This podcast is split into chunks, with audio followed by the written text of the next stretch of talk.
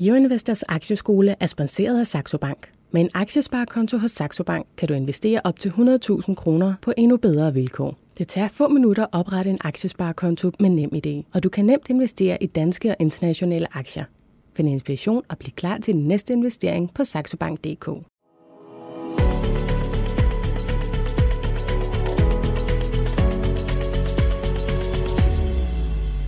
Velkommen til Aktieskolen på Euroinvestor. Alle kan tjene penge på aktiemarkedet. Det er bare et spørgsmål om at komme i gang. Det lykkelige budskab, det er heldigvis ved at sive ind. Danskerne strømmer til markedet i et tempo, som vi aldrig har set tidligere.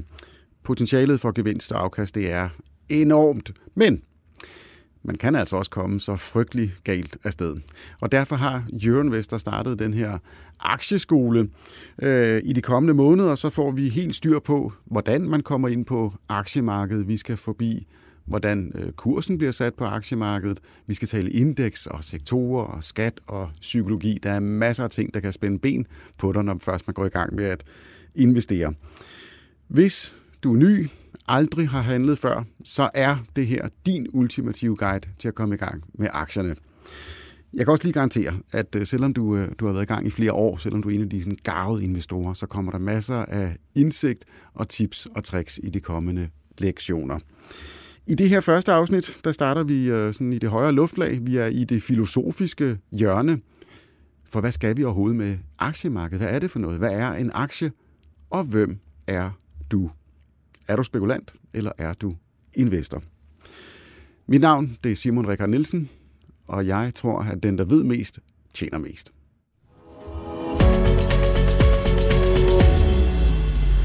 Og til at øh, hjælpe os alle sammen igennem den her første lektion på Aktieskolen, der har jeg to gæster i studiet, det vil sige øh, uh, Masha Wang, du er jo sådan set en del af huset. Du er ja. jo faktisk medvært her øh, på Aktieskolen. Ja, det bliver så spændende. Ja, og du er, hvis man ikke skulle kende dig, så er du øh, influencer, måske en af Danmarks øh, største og første influencer, så er du også forretningskvinde. Og nu skal du selv i gang med at investere. Det skal jeg nemlig. Og til at hjælpe os i gang på markedet, der har jeg også Kurt Kara fra MyInvest, du er aktiechef, og så er du en af, af, af Danmarks, øh, man kan godt sige, du er en af Danmarks mest erfarne og, og bedste øh, aktieinvestorer. Øh, men inden øh, vi vender tilbage til dig, Kurt, så skal jeg lige høre, Masja, øh, dit forhold til det med at investere, det med mm. pengene. Hvordan er det? Jamen, øh, det er jo noget, jeg tænker en del over, fordi vi har jo kun 24 timer i døgnet til at tjene vores penge i, og øh, jeg synes jo også, at det er rart at kunne øh, tjene nogen, mens man sover. Jeg ser meget øh, langsigtet, og, øh, og, og synes, at det er vigtigt at, at skabe noget frihed for mig selv. Det betyder rigtig meget, synes jeg, i dag, hvor at man arbejder en masse, og så er det bare godt, i hvert fald i min branche, som er meget usikker, og, og, og kunne, kunne sætte lidt af og se, om man kan få det til at vokse. Men, men, men hvordan har, hvad er din erfaring med at investere? Min erfaring er, at jeg har, jeg har investeret tidligere, men det har været øh, igennem øh, min bank, hvor at der har været en øh, formueforvalter, som, øh, som har gjort det for mig. Altså i, i samarbejde med mig, hvor vi har sat og talt om, hvordan der var ledes. Men, øh, men nu øh, har jeg simpelthen øh, afviklet det hele og skal til at starte lidt forfra, hvor øh, at jeg vil prøve at, at være med selv og prøve at, at købe noget selv også. Altså, så banken har stået for alting? Ja. Du har bare givet dem en pose penge? Yes. Og så har du ringet til dem og sagt, selv hele muligheden, nu gør jeg det selv. ja. Er det sådan, der? Yes. Og du er helt grøn og helt ny på aktiemarkedet? Ja, jeg har ikke prøvet at trykke på knappen selv. Det har været, det har været bankmanden, der har været ind over der. Men så tænkte jeg, ah, jeg synes simpelthen, at det, når jeg kiggede på det, at det var blevet for dyrt. Det var for dyrt, de skulle sidde og gøre det. Så ikke fordi jeg tænker, at jeg skal sidde og købe alle aktier selv. Det kan godt være, at jeg skal gøre det på forskellige måder, men jeg vil i hvert fald jeg vil dykke lidt mere øh, ind i, hvad, hvad det betyder, og øh, hvad det koster, og hvad der er af muligheder. Mm.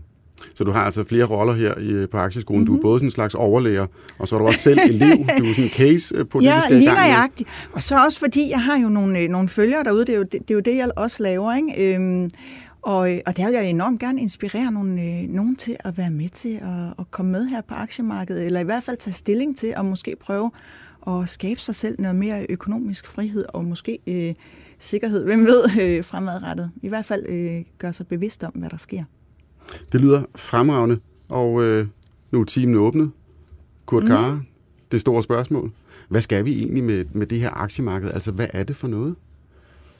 aktiemarkedet, øh, man kan sige, de, det første aktiemarked, det rigtig første aktiemarked, det startede i Holland i 1600-tallet. Det var for faktisk at rejse kapital øh, til det hollandske Østindiske kompani. Øhm, så oprindeligt dukkede aktiemarkedet ligesom op, fordi man havde brug for nye virksomheder, der, der havde brug for ny kapital, og det her selskab udstedte sig aktier og lovede sig at betale udbytte til sine aktionærer. Øhm, senere er aktiemarkedet gået hen og blevet et sted, hvor virksomheder køber virksomheder, og hvor vi som privatpersoner kan købe aktier for at få en del af den økonomi, som aktiemarkedet repræsenterer.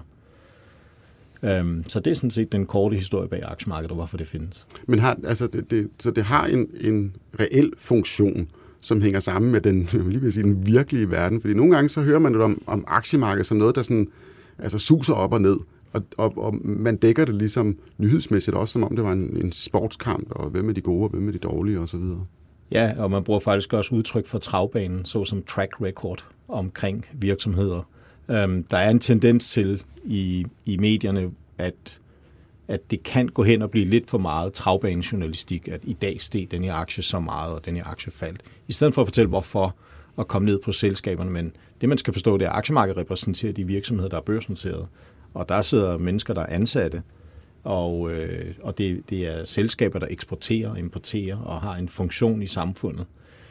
Og man er jo selv ansat. De fleste danskere er jo ansatte i en virksomhed, og måske har de endda medarbejderaktier i den virksomhed. Så ved de, hvad det går ud på. Det er, at man ejer en aktie, det vil sige en del af en virksomhed, som er børsnoteret. Og det vil sige, at man sætter prisen på den aktie hver dag. Men det er absolut relateret til virkelighedens verden. Det er ikke Ludo. Det, det er ikke et spil. Det er ikke et spil. Det, det er der ikke for sjov skyld. Nej, nej, det, det er ikke for sjov skyld, vi har. Nej. Det kan godt være sjovt at investere, men det er ikke for sjov skyld, at det findes. Mm.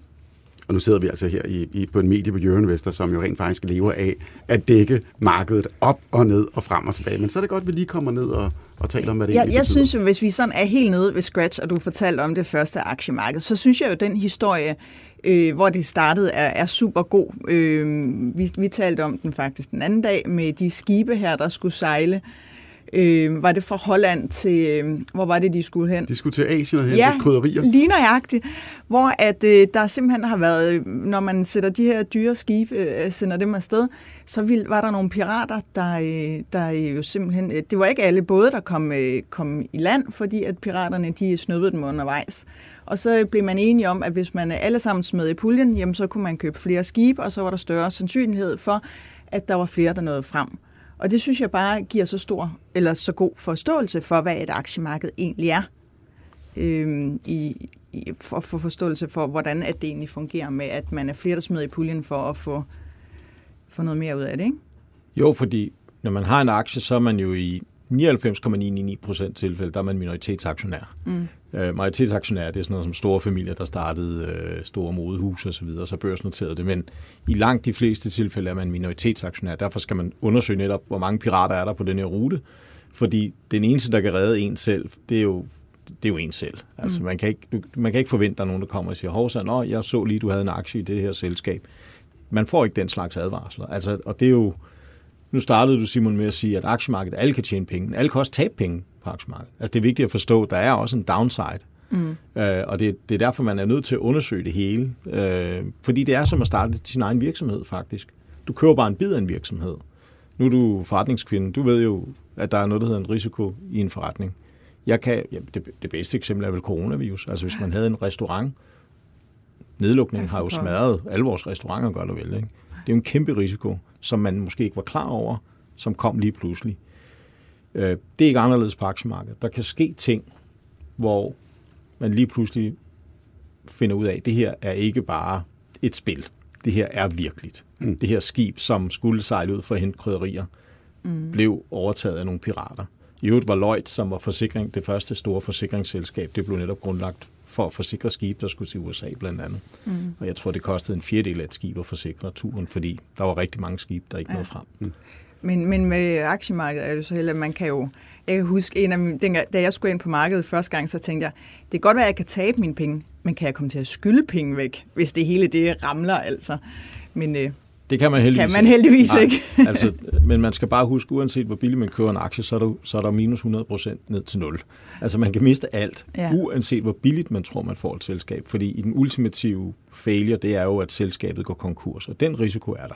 Den er meget lille, og den svinger fra selskab til selskab. Jeg tror for eksempel ikke, Johnson Johnson er sådan lige truet her de næste mange år, men som er et stort amerikansk, som er et stort amerikansk medicinal. medicinalselskab, baby oil og alle de der ting, ja. de laver. Ikke? Men det er rigtigt, det er, det, det er nogle af de størrelser, man skal tænke over, mm. øh, når man investerer. Men aktiemarkedet har absolut en, en, en samfundsmæssig funktion, der er meget vigtig. Den, ja, fordi man... i virkeligheden så er det den samme funktion, øh, den har i dag, som den havde i 1609, øh, da det, da det startede i Holland. Altså, det er det sted, hvor man stadigvæk har adgang til øh, risikovillig kapital. Ja. Øh, man, ja. man, man ser jo også, især i øjeblikket, øh, mange unge virksomheder, altså startups, som måske er to, tre, øh, fire år gamle, som går på børsen, ja. for lige at få det der sidste skud af kapital. Lige præcis. Så man kan bygge den fabrik, eller starte ja. et nyt land, eller hvad, hvad det nu er. Det er vel den egentlige betydning. Det er, det er blandt andet det, man bruger aktiemarkedet til, ja. Og man kan sige, Keynes, som var den øh, en af de største efterkrigstidsøkonomer, faktisk også mellemkrigstidsøkonomer, fordi han advarede blandt andet mod, at man ikke lagde for, for meget straf på tyskerne efter Første Verdenskrig. Og vi fik jo så en verdenskrig, ganske som man desværre advarede os imod. Uh, han, han har jo sagt, at hvis, for at komme ind på det med aktiemarkedets funktion, at hvis, hvis aktiemarkedets øh, udfald bliver udfaldet af sådan sekundært, hvis kapitalallokering i et samfund bliver, bliver sådan sekundært udfald af casinomentalitet, så er det ikke samfundsgavnligt. Så det er vigtigt, at aktiemarkedet opererer med en rationel indfaldsvinkel, hvor man vurderer selskaber og også vurderer nye selskaber, der kommer på markedet. Så, men men der, har altid, der har altid været den her bagside af medaljen på aktiemarkedet, der hedder, at du kan også spekulere i aktier. Og det er meget, meget, det, det er sikkert rigtig sjovt, ligesom at tage rusjebanen men, men, men det er en bagside, så at sige, rent øh, økonomisk ved aktiemarkedet.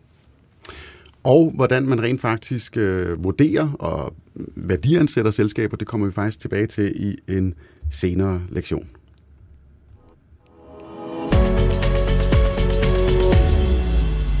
Og øh, Kurt Kare, du var næsten inde på det allerede, øh, den anden halvdel her. I den her første lektion, der skal vi nemlig tale om, øh, det er nærmest lidt selvindsigtsspørgsmål. Øh, altså, hvem, hvem er man øh, øh, som investor eller spekulant? ja, det, det, det, det skal uden at skal lyde for meget som Buddha. Øh, så, altså, der, er, der er lidt øh, Buddha der, over der er det lidt Buddha over det her, men det er rigtigt. Fordi, fordi øh, nu nævnte jeg, at du var value investor, men du har sådan ja. set også skrevet en bog, som hedder Den rationelle øh, investor. Ja. Og der går du også meget op i, at der er forskel på, om man er investor, eller man er spekulant. Og lige om lidt, så skal vi finde ud af, øh, hvad Mads Javang er for en type. Mm-hmm. Men allerførst, øh, prøv, lige, prøv lige at forklare, hvor, hvorfor er det så vigtigt, og hvad er forskellen på at være investor og være spekulant? Ja, lad, lad mig starte med at sige, at der er ikke noget galt med at være en spekulant. Jeg skal ikke være moralsk dommer for noget som helst. Altså folk må jo selv, altså når man, når man har tjent sine penge, så må man gøre præcis, hvad man vil med dem. Altså, det er jo, de er jo tjent, og hvis man vil spekulere, så gør man det, og hvis man vil investere, så gør man det. Der er ikke noget galt i det. Jeg tror ikke, det er særlig lønsomt. Det er derfor, jeg har valgt investorruten. Øh, men den ordnede definition af en investering, det er jo, at en investor køber en virksomhed. Når han, når han køber eller hun køber en aktie, så køber man en del af en virksomhed. Så du køber dig ind i en forretning. Og du betaler en pris, du synes, der er acceptabel for at få den her del af forretningen.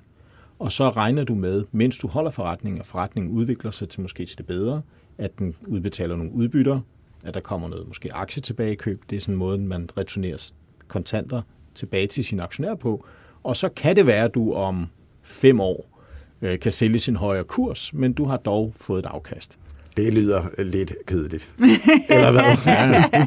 Nå, men der ja. spekulerer du da også i, at du tænker, at det bliver mere værd. Ja, der er ingen tvivl om, at hvis, hvis det, du ligger i ordet spekulation, er, at man, at man bruger hjernen, så spekulerer jeg hver dag. Ja. men, men det, jeg ligger i ordet spekulation, er, at du for eksempel kun kigger på kursgrafen, og så siger du, om den her den går opad, og jeg tager, et, jeg tager lige et bet på den her aktie her.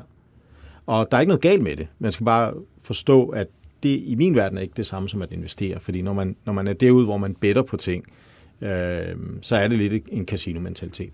Og, og der er sådan set, der, umiddelbart er der jo ikke noget galt med det heller. Men for mig har det den, jeg ved desværre, at det udløser et signalstof i hjernen, der hedder dopamin, og det er lykkemidlet. Det er simpelthen belønningsstoffet, hjernen giver dig. Så hvis du vinder i krig eller vinder i kærlighed, så lyser dit hjernetræ op som et lys. Det er også derfor, man snakker om ulykkelig kærlighed. Man snakker om soldater, der kommer hjem fra krig, og så har de posttraumatisk stresssyndrom. Verden går lige pludselig i slow motion. Alt bliver meningsløst, når du har mistet din kæreste, eller når du kommer hjem fra krig fordi hjernen har vendt sig som en form for narkotika Så det er dopamin. Mm. Og det kan du få ved at spekulere. Og det giver altså noget, der er vanedannende, og det kan være meget svært at komme ud af det. Men er det så på daytrader basis, du mener, øh, når man spekulerer? Det kan være i alle mulige former. Øhm, altså for mig er det, at for mig er det i virkeligheden øh, ikke anderledes, end at, at, at du faktisk går ned på et casino og så siger, nu tager jeg min månedsløn, og nu sætter jeg den på sort. Mm. Og den spænding, du får, det sus, du får i maven, det er jo super spændende, ikke? Men, jo, for pokker men, men, men, øh, men, men det er også vanedannende. Ja. Øh, der er jo en grund til, at vi har en sygdom, der hedder ludomani. Altså det er simpelthen, man, man er syg med af at spille, og det er faktisk dopamin, som har den her funktion. Øh, og det er meget, meget stærkt stof for hjernen. Ja. Det er Ja, men det er jo også dejligt, når det går godt, men altså, jeg kan da godt huske for et års tid siden, der havde jeg da også godt nok ondt i maven, men det var fordi, det gik ja. den anden vej. Ja. det, jo, jo, det var ikke sjovt. Så jeg plejer, vi, vi, vi har valgt at gå den anden vej. Øh, altså min, min kollega gennem mange år, øh, Ulla jeg, vi har jo investeret i 15 år. Jeg har investeret med Jeppe Christiansen i 22 år snart. Ikke? Altså, der, tiden er jo gået. Ikke? Men grunden til, at vi vælger at være value-investorer, eller bare investorer generelt, det er, der prøver du faktisk at pille alt det der sus og dus ud af ligningen. Du prøver at være så stoisk som muligt, nærmest øh, øh, ja, uden følelser. Du, altså, hvis man vil underholde, hvis jeg vil underholde, så går jeg i biografen, når de åbner op. Mm. Ikke? Jeg kan også tage en tur i Tivoli. Jeg behøver ikke at satse, satse mine penge på markedet. Der vil jeg faktisk helst investere. Så det er den store forskel.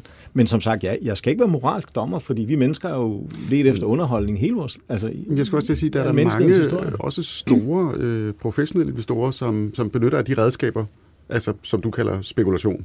Øh, altså hvor man, hvor man ser på trendlinjer, ser på, ser på kursgrafen, og siger, ja. den er i en positiv udvikling, så køber vi og, og håber, at, øh, at det fortsætter. Ja, det kan man sagtens gøre. Altså, der er ikke noget... Okay. Jeg, som sagt, altså, jeg, jeg skal som sagt ikke være moralsk dommer. Men kan, du kan sige, hvis, hvis, øh, hvis trendlinjen i en aktie ud, udviser en eller anden underliggende fundamental udvikling i virksomheden, så er det rigtigt. Så hvis det fundamentalt går godt for virksomheden over 10 år, så skal aktien jo stige, og så kan det være, at den kursstigning, den bare fortæller dig, at det er en genvej til, at det går egentlig godt for den her virksomhed. Så det er jo rent nok. Mm. Men hvis, I alle sammen, hvis vi alle sammen går rundt og køber aktier på den måde, så, øh, så lad mig, jeg tror, det var General Patton, der sagde, hvis alle tænker ens, så er der mindst en, der ikke har tænkt overhovedet. Ja. Så man risikerer altså at bygge bobler op på den måde på aktiemarkedet. Det, det var jo det, jeg, jeg, har, jeg har gjort nu. Jeg tænkte her til årsskiftet, jeg tænkte, ah, jeg havde, nu er jeg oppe på samme niveau som øh, lige inden øh, det hele gik øh, helvede til i start corona. Og så tænkte jeg, jamen så vil jeg starte forfra. Og jeg tænkte, jamen det kan også godt være, at der kommer en nedgang nu og der var tale om nogle bobler, og jeg tænkte bare, det er med at komme af med det, og så prøver jeg lige at give det et par måneder, og så komme ind igen, hvis der skal være noget regulering eller et eller andet. Men det er jo også på en måde noget spekulation. Jo, og som sagt, altså, ja, det, det kan være ganske spændende, det kan være sjovt, og det kan være... Øh, altså, men jeg tænker bare på det på den her måde. Jeg, når jeg går til aktiemarkedet, så går jeg sådan set til aktiemarkedet, som jeg vil gå til... Et, nu, nu er du fra Kolding oprindeligt, ikke? Jeg går ud fra, at der er masser af af jordbrug og landbrug derude. Det er der jo ikke så meget herinde i København. Det er hvis jeg skulle købe en mark... er jo kun i Jylland. Det ja, det er kun i Jylland, ja. Men hvis jeg skulle have en mark, så ville jeg jo jeg vil undersøge, hvad vil mit udbytte på den mark være. Så hvor meget kan jeg så og høste på et år? Og hvad får jeg ud af det, når jeg sælger det korn? Og så vil jeg sige, okay, hvad giver jeg så for marken? Og så regner jeg simpelthen min rente ud. Det er ikke anderledes, end, øh, end når man køber hus. Så vil jeg, jeg vil regne ud, okay, hvis jeg køber det her hus, lad os sige, at jeg finder et hus, der koster en million, en lejlighed, et værelses lejlighed, der koster en million. Det kan man nok ikke få så mange af, men måske hvis man går lidt væk fra centrum. Lad os sige, finde en. Ja, Kolding, der, ja, der var på to måske. Men så, siger man, så spørger jeg bare mig selv, okay, hvis jeg leger den her lejlighed ud, det er jo, mit, det er, når jeg høster, det er jo, når jeg sover og høster. Mm. Så hvor meget kan jeg få ind i lejeindtægter på et år? Og så dividerer med den million. Det er min rente, og hvis den er tilstrækkeligt høj, så køber jeg den, og så holder jeg den, og jeg får min rente. Ja. Men jeg, jeg tænker man, ikke på, hvad jeg kan sælge den til. Men, men det giver selvfølgelig god mening, at der er noget, der er noget underliggende drift, øh, ja. som, som man nyder godt af på, den, på lang sigt, når man er investor. Ja. Men, men Mads, jeg stiller bare det rigtige spørgsmål. Er det et godt tidspunkt? Altså, hvornår, hvornår altså, skal man købe aktier? Ja, man plejer at sige, it's not timing the market, it's time in the market. Så jeg har, jeg har aldrig prøvet at time markedet selv, af flere årsager tror, det er stort set er umuligt. Jeg kan huske, inden Trump blev valgt, der sagde samtlige aktiestrateger i hele verden, at hvis Trump vinder, hvilket han ikke gør, så falder aktiemarkedet. Men hvis Hillary vinder, hvilket hun gør, så stiger aktiemarkedet. Hillary tabte, og aktiemarkedet steg. Så de tog fejl både mm. med hensyn til årsagen og med hensyn til virkningen. Og det er altså kloge mennesker, de her. De har formentlig en IQ, der er højere end min. Ikke? Altså. Hvad, hvad tænker du, Masha? Øh, spekulant eller investor, hvilken tilgang tror du, du øh, ender med at få? Nu er vi lige i starten ja, ja, af skolen ja, ja, ja. Men jeg tror lidt, jeg er en blanding. Det vil jeg sige, fordi jeg tænker øh, langsigtet. Og der tænker jeg sådan, nu sagde du fem år, men jeg tænker sådan mere, jeg tænker om 15 år eller sådan noget. Og jeg kan godt lide at sprede det også. Jeg kan godt lide at have noget, brød i nogle ting i en bankboks, eller øh, noget på mig, eller øh, nogle aktier, og sådan lidt. Jeg kan godt, godt lide at sprede det lidt, men jeg vil gerne have noget, hvor jeg tænker, om det er mit rugbrød, der ligger i en portefølje. Og så synes jeg også, det kunne være sjovt at, at satse lidt. Øh, være med et sted og prøve at købe ind i noget og se, se, hvordan det går. Så jeg vil gerne lege lidt, men jeg vil også gerne have min øh, safe base på en eller anden måde, hvor jeg tænker, jamen, øh, det skal ikke gå øh, helt skidt for min datter, hvis der er, jeg lige pludselig en dag ikke er hvad, hvad siger du, Kurt? Jamen, altså, det giver jo sådan set god mening at sprede øh, investeringerne. Jeg, jeg spreder også selv både øh, vores investorers investeringer spredt, spredt over 25-35 navne, og det er min egen også. Jeg har jo selv investeret i vores fond og, lidt mere også. Ikke? Så, så det er meget godt at sprede, og i virkeligheden er vi jo spredt mere, end vi måske tror, fordi man har måske også en ejerlejlighed, eller et hus, eller ja, to. Ja, lige Og du nævnte selv smykker, altså guld og sølv har jo været investeringsobjekter lige siden. Man kender til menneskeheden. Øh, der har man jo haft smykker. Øh, guld og sølv har jo også været brugt som penge i længere tid end nogen anden møntfod mm. øh, her på kloden. Og, og, og, og det er jo også i øvrigt en årsag til, at man skal investere. Det er jo, øh, altså spørgsmålet, hvad skal vi med de her aktiemarkeder? Hvorfor skal vi investere? Ikke? Altså, det er jo netop, at det vi tjener er penge, men penge er i realiteten madkuponger. Når jeg har en 100 kroner foran mig, så står der, at jeg kan købe en eller anden Big Mac meal plus lidt løst ved siden af. Mm. Men hvis jeg nu, hvis de, de fleste, der lytter med på det her program, vil nok regne ud, at om 100 år, så sådan en 100 kroner den kan formentlig ikke engang købe en Big Mac meal. Og det, så, så der er rigtig meget, der sker med, med den verden omkring os, i form af, at der er nogle ting, der mister værdi penge har en tendens til at miste værdi. Da jeg var barn, der kostede en busbillet for børn 50 øre. Jeg ved ikke, hvad er vi oppe på i dag? 15 kroner? Jeg tror, det koster 24. Eller sådan ja, noget. Det er jamen, helt så, så er det en 50-dobling, ikke? Og det er altså, jeg er 49, ikke? så ja. øh, det er på 40 år, så er det måske en 50-dobling. Det er man nødt til at kunne, på en eller anden måde er man nødt til at, at prøve at se, om ikke man kan bevare købekraften af de penge, man har. Mm. Og det kan man gøre ved at sprede sig ud over for eksempel bolig, aktier, øh, også nogle edelmetaller. Øh, Jamen, jeg kan se mange, jord. jeg kan jo huske for nogle år siden, og min, øh, jeg kan huske min kæreste, synes jeg var åndssvag, jeg gav så mange penge for en Chanel-taske, ikke? Men øh, mange øh, kvinder og piger kender til øh, sko og tasker, vi rigtig godt kan lide, og øh, mange mænd, der siger, at hvor er det åndssvagt at bruge penge på. Altså, jeg har også solgt Chanel-tasker, som jeg har, som jeg har tjent på øh, siden. Så, øh, så det, det handler også om at se noget, ja, som kan, kan vækste, eller noget, der ikke bare er forbrug. Og jeg synes jo, at, øhm, øh, at det er vigtigt at prøve at ikke bare forbruge, men tænke tænk i det også, og tænke lidt langsigtet, fordi netop, øh, at ja, pengene bliver mindre og mindre værd. Ikke? Mm. Altså jeg synes, det fantastiske ved aktier, det er, at man rent faktisk, øh, du var faktisk inde på det hele i starten, at man investerer jo i, andre menneskers øh, aktivitet, ja. og, og, og maskiner, og, eller patenter, eller medicin, eller hvad det nu øh, kan være, der gør verden bedre. Altså, altså når du nævner guld og sølv, Kurt, øh, der er jo, du får ikke noget rente ved en guldbar. Der er ikke noget udbytte. Du ved, det er jo bare sådan en klumpen metal. Ja. Og så ja, det... kan den stige og falde i pris, men, men, men der sker jo ikke noget. Nej, altså du kan kramme den en gang imellem og puste din guldklump, eller hvad det er. lyst til. Joachim von kan du svømme. ja, men, men, du, men, kan så, du kan så vende om at sige nulrente. Jamen, altså centralbankerne i verden har valgt at sige, at penge er værdiløse. Ikke? Altså ved at have negative renter, det er, jo det, det er jo det, vi har i dag. Men det er jo sådan, altså hvis man lige tænker lidt over, hvad en negativ rente er, så er det jo en, en underlig størrelse. Ikke? Lad os sige, at jeg producerer telefoner. Jeg har en Samsung-telefon. Lad os sige, at jeg er Samsung. Jeg producerer en telefon. Jeg vil gerne sælge dig, Simon, en telefon. Du har ingen penge. Så du siger, kan jeg ikke købe den på kredit? Så siger jeg, jo, det kan du godt. Så jeg giver dig en telefon, og så ringer du hver måned og siger, kan du ikke lige sende renten, fordi jeg skylder dig penge? Mm. Så jeg har givet dig en telefon, og så skal jeg sende dig penge hver måned, fordi at, at der er negative renter. Ja. Så det er jo helt skørt. Så penge har fået en udløbsdato, ligesom sødmælk. Du skal bruge dem, fordi der er negative renter. Øh, så indtil det er væk, så tror jeg sådan set, at man kan ligge med mange andre ting end pengesedler. Aktier er nogle, øh, der er bare en anden risiko, men du har for eksempel en bolig har også en nytteværdi for mange mennesker. Du bor i den. En bil har en nytteværdi. Du kører i den. Og så videre. Så man kan sprede sig ud over mange objekter. Det gode ved aktiemarkedet er dog, hvis jeg ligesom skal fremhæve det specifikt, fordi der er ingen tvivl om, at som langsigtet investor har det jo i mange, mange år været det bedste sted at ligge. Det er, at du slipper for alt det der hårde arbejde med at starte en virksomhed op selv. Mm. Du kan bare købe den direkte, hvis du har kapitalen, og du kan købe den måske endda billigere, end hvis du selv skulle starte op, hvis du rammer rigtigt i de rigtige kriser. Tænker du sådan på, på aktier, altså at du øh, sådan, at den, sådan lidt, lidt iværksætteragtig tilgang til det? Nu ejer jeg en virksomhed. Ja, jamen, der, jamen sådan tænker jeg helt, helt sikkert. Altså, det gør jeg. Altså, jeg gør jo det sammen med Ulrik og Rasmus inde hos os. Vi har jo en portefølje af 25-35 navn. Der regner vi ud, hvad hele porteføljens indtjening er. Hele porteføljens udbytteprocent er. Hele porteføljens egenkapital, fordi det er jo et holdingselskab. Det er en portefølje. Portefølje, det er en taske. Så det, du har nogle ting nede i den taske, nede i din portefølje. Mm.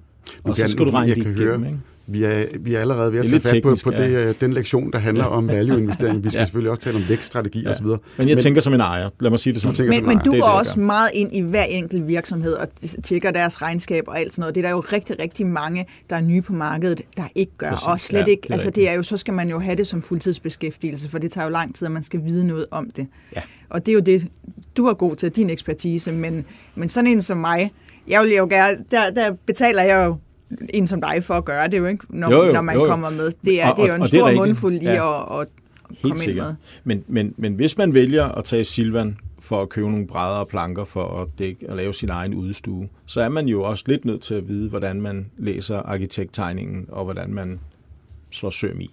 Og, og jeg synes, det er dejligt med at gøre det selv, folket. Jeg er jo selv gør det selv, mand. Øh, bare ikke, når det gælder sådan noget med hus og have. Det kan ikke finde noget. Der er 10 tommelfingre, ikke? Men min pointe er bare, det er rigtigt, men, men man er stadig nødt til at sætte sig lidt ind i det, fordi det er jo trods alt også penge, du har brugt tid på at tjene. Mm. Så hvorfor, mm, undskyld, er jeg så lige frem, hvorfor miste dem på, at du ikke bruger tid på at finde ud af, hvordan man skal gå ind i aktiemarkedet? Prøv at tænke på, hvor mange timer folk bruger på at få en brødrester til den rigtige pris i Elgiganten. Eller hvor mange kataloger eller hjemmesider de besøger for at få en bestemt printermodel til en bestemt pris. Hvis du så spørger de samme mennesker, hvor meget tid brugte du på at vælge dit rigtige realkreditlån, så siger de, det gjorde min rådgiver, han gjorde det på fem minutter. Mm. Men, men et realkreditlån på 5 millioner er noget mere vigtigt at tage end en printer til 5.000, hvis det er en dyr printer. Ikke? Ja. Det er stadig faktor 1.000. Ikke? Så, så det er det, jeg mener med, at man skal prøve at allokere sin tid korrekt. Og penge er jo faktisk summen af den tid, du har brugt på at arbejde. Det repræsenterer den energi, du har lagt og tjent, og så har du opsparet dem, og det er derfor, man skal beskytte dem. Fordi hvis ikke du beskytter de penge, du har tjent, så er der arbejdet gratis. Der findes et ord for det. Det hedder slaveri. Og det er derfor, investeringer gør dig fri. Hvis ikke man passer på sine penge, så ender man som enten en gældslave, eller som en, en der bare simpelthen ser sit arbejde, sin arbejdskraft blive udhulet år efter år, og så har du arbejdet forgæves. Så har du arbejdet for ingenting. Kun for, dit føde, kun for at få noget mad med ned i maven. Mm. Det, er jo, det er jo slaveri per definition. En slave får mad ned i maven. Det var faktisk præcis det, som du øh, startede med at fortælle om, øh, hvorfor du øh, gerne ville ind på aktiemarkedet. Altså den frihed, ja. at der følger med af, at ja, der er jo nogen, der arbejder for en, når man er på aktiemarkedet. Så, ja, så, så enkelt kan man vel, vel, vel sige det. Absolut. Bare lige for at runde af her nu, Masja. Du er både investor og lidt spekulant. Men så er der det med risikoprofilen, altså hvor, hvor risikabel øh, vil man gerne være. Og Kurt, har, har du et bud på, hvordan altså, hvordan undersøger man sig med, med sig selv? Altså, vi er tilbage til noget selvindsigt her. Ja. Hvor stor en risiko man gerne vil løbe, fordi hvis mere risiko, jo større er potentialet for, at man virkelig tjener nogle penge. Og jo større er risikoen ja. selvfølgelig for at tabe dem igen. Jeg har, det, det er et rigtig godt spørgsmål, fordi øh, det er noget, man, man skal selv mærke, ligesom, hvor, hvor er jeg henne. Kan jeg tåle at se en aktie falde 10% på dagen, eller 30% på dagen? For det kan aktier godt På dagen? Gøre. På dagen, okay. Puh, altså i 1987 havde vi et børskrak. Det var hele markedet, der var nede med, jeg tror næsten 30%, tror jeg det var. Ikke? I 29, det var selvfølgelig en nedsmeltning af hele markedet. Men bare tage marts måned under covid sidste år, der havde vi jo et fald på 40% på en måned. Ja. Ikke? Og det er, der, man ikke skal, altså det er der, man skal passe på, at man ikke kaster håndklædet i ringen eller så rive med. Ikke? Men risiko er en underlig størrelse, fordi der, man definerer det på mange måder. Nu, det, nu går vi ikke ind i aktieskolen endnu, men de fleste vil jo se risiko som et eller andet med noget, der svinger, og så kører det op og ned. Og det er også derfor, jeg startede med at sige, at en aktie kan falde 10%. Det, der har gjort, at øh, det, der gør, at jeg er en investor, er jo netop fordi, når jeg læser regnskaberne og ser, at det her det er gode selskaber, og jeg har fået dem til en god pris, så behøver jeg ikke at tjekke kursen hver dag. Det synes jeg også er en dårlig idé. Det, det gjorde jeg nemlig her i, okay. for et års tid ja. siden. Ja, man bliver meget stresset. Og, øh, ja. ja, man får en dårlig dag, altså, ja, hvis jeg lige ja. Øh, dumper sådan. Du får kortisolniveauet i kroppen op. Du, det er stresshormon, ikke? Altså, det ødelægger hele kroppen. Ikke? Altså, det gør det. Men det er så. jo også lidt gynger af karuseller, fordi jo, jo. så dropper den ene, måske falder ja. helt vildt, men ja. så kan være der noget andet, ja. der, der, der stiger. Og det er også derfor, at øh, det, det skal være lidt blandet, ikke? Men, men aldrig, altså jeg tænker, man skal jo aldrig øh, investere mere, end man kan tåle at miste. Det er rigtigt. Det skal man ikke. Det, det, det er ultimativ risiko, man tager, når man tager aktiemarkedet. Ikke? Det er der ingen tvivl om. Men og... altså, bare, bare for at give et eksempel, bare sådan en meget hurtig vinkling. Jeg, da i 2000, da jeg var i Danske Capital, og og sad med, og så, der valgte jeg jo så at købe Mærsk. Og jeg kan huske dengang, det er ikke en anbefaling af Mærsk, det er, det er ikke en aktieanbefaling. Nu, det, det her, hvad der skete i 2000, ikke? Og den handlede til, jeg tror det var fire og en halv års indtjening. 4,5 års indtjening handlede Mærsk-aktien til. Det vil sige, du tog indtjening for selskabet, gange med 4,5. Det var hele markedsværdien af Mærsk. Altså, og jeg havde, jeg var, der var et par kollegaer, der sagde, hvorfor vil du have sådan en kedelig skibsredder, og har du ikke set, at internettet kommer og sådan noget? Så sagde jeg, prøv at høre her. Nazi-Tyskland besatte Danmark i fem år. Det overlevede de. Så jeg tror også, de overlever de næste 4,5 år. Og det er et eksempel på, hvordan man kan tænke på en måde, hvor du føler, risikoen er måske ikke så stor, som man tror. Og med de vise ord, så øh, vil jeg sige tusind tak for den her første lektion i, øh, i uh, Euroinvestors aktieskole. Jeg tror, vi lukker det ned her, fordi I var jo nærmest inde på, og der var enighed ja. begge to, om at man ikke skal gå ind og tjekke sin aktiekurs og læse ja, ja, ja, der var ikke meget uenighed. Det vil jeg altså skarpt advare mod. Ja. Jeg synes, man skal gå ind på Euroinvestor og følge godt med. Ja, ja, ja. ja, ja det, går, det er antisalg for dig. Det, her. det vil jeg bare lige slutte af med at sige. Kurt Kar, tusind tak, fordi du vil deltage her som, uh, vi kan jo kalde dig gæsteforelæser i uh, Ja, det er en meget fornem titel. og, og også tak til dig, Masha Wang, min medvært. Vi, så er vi i gang. Så er vi i gang, ja. og, og tak til os til Josefine, som sidder og styrer knapperne ude i teknikken. I øh, næste lektion, der skal vi øh, se nærmere på, vi taler lidt mere om det her med risikoprofiler, og, og hvem man er osv. meget let. Men hvordan gør man det helt praktisk? Hvordan får man fat i de der aktier, som suser rundt øh, på, på markedet? Følg med næste gang. Mit navn det er Simon Rikard Nielsen. Endnu en gang velkommen til Aktieskolen på Euroinvestor.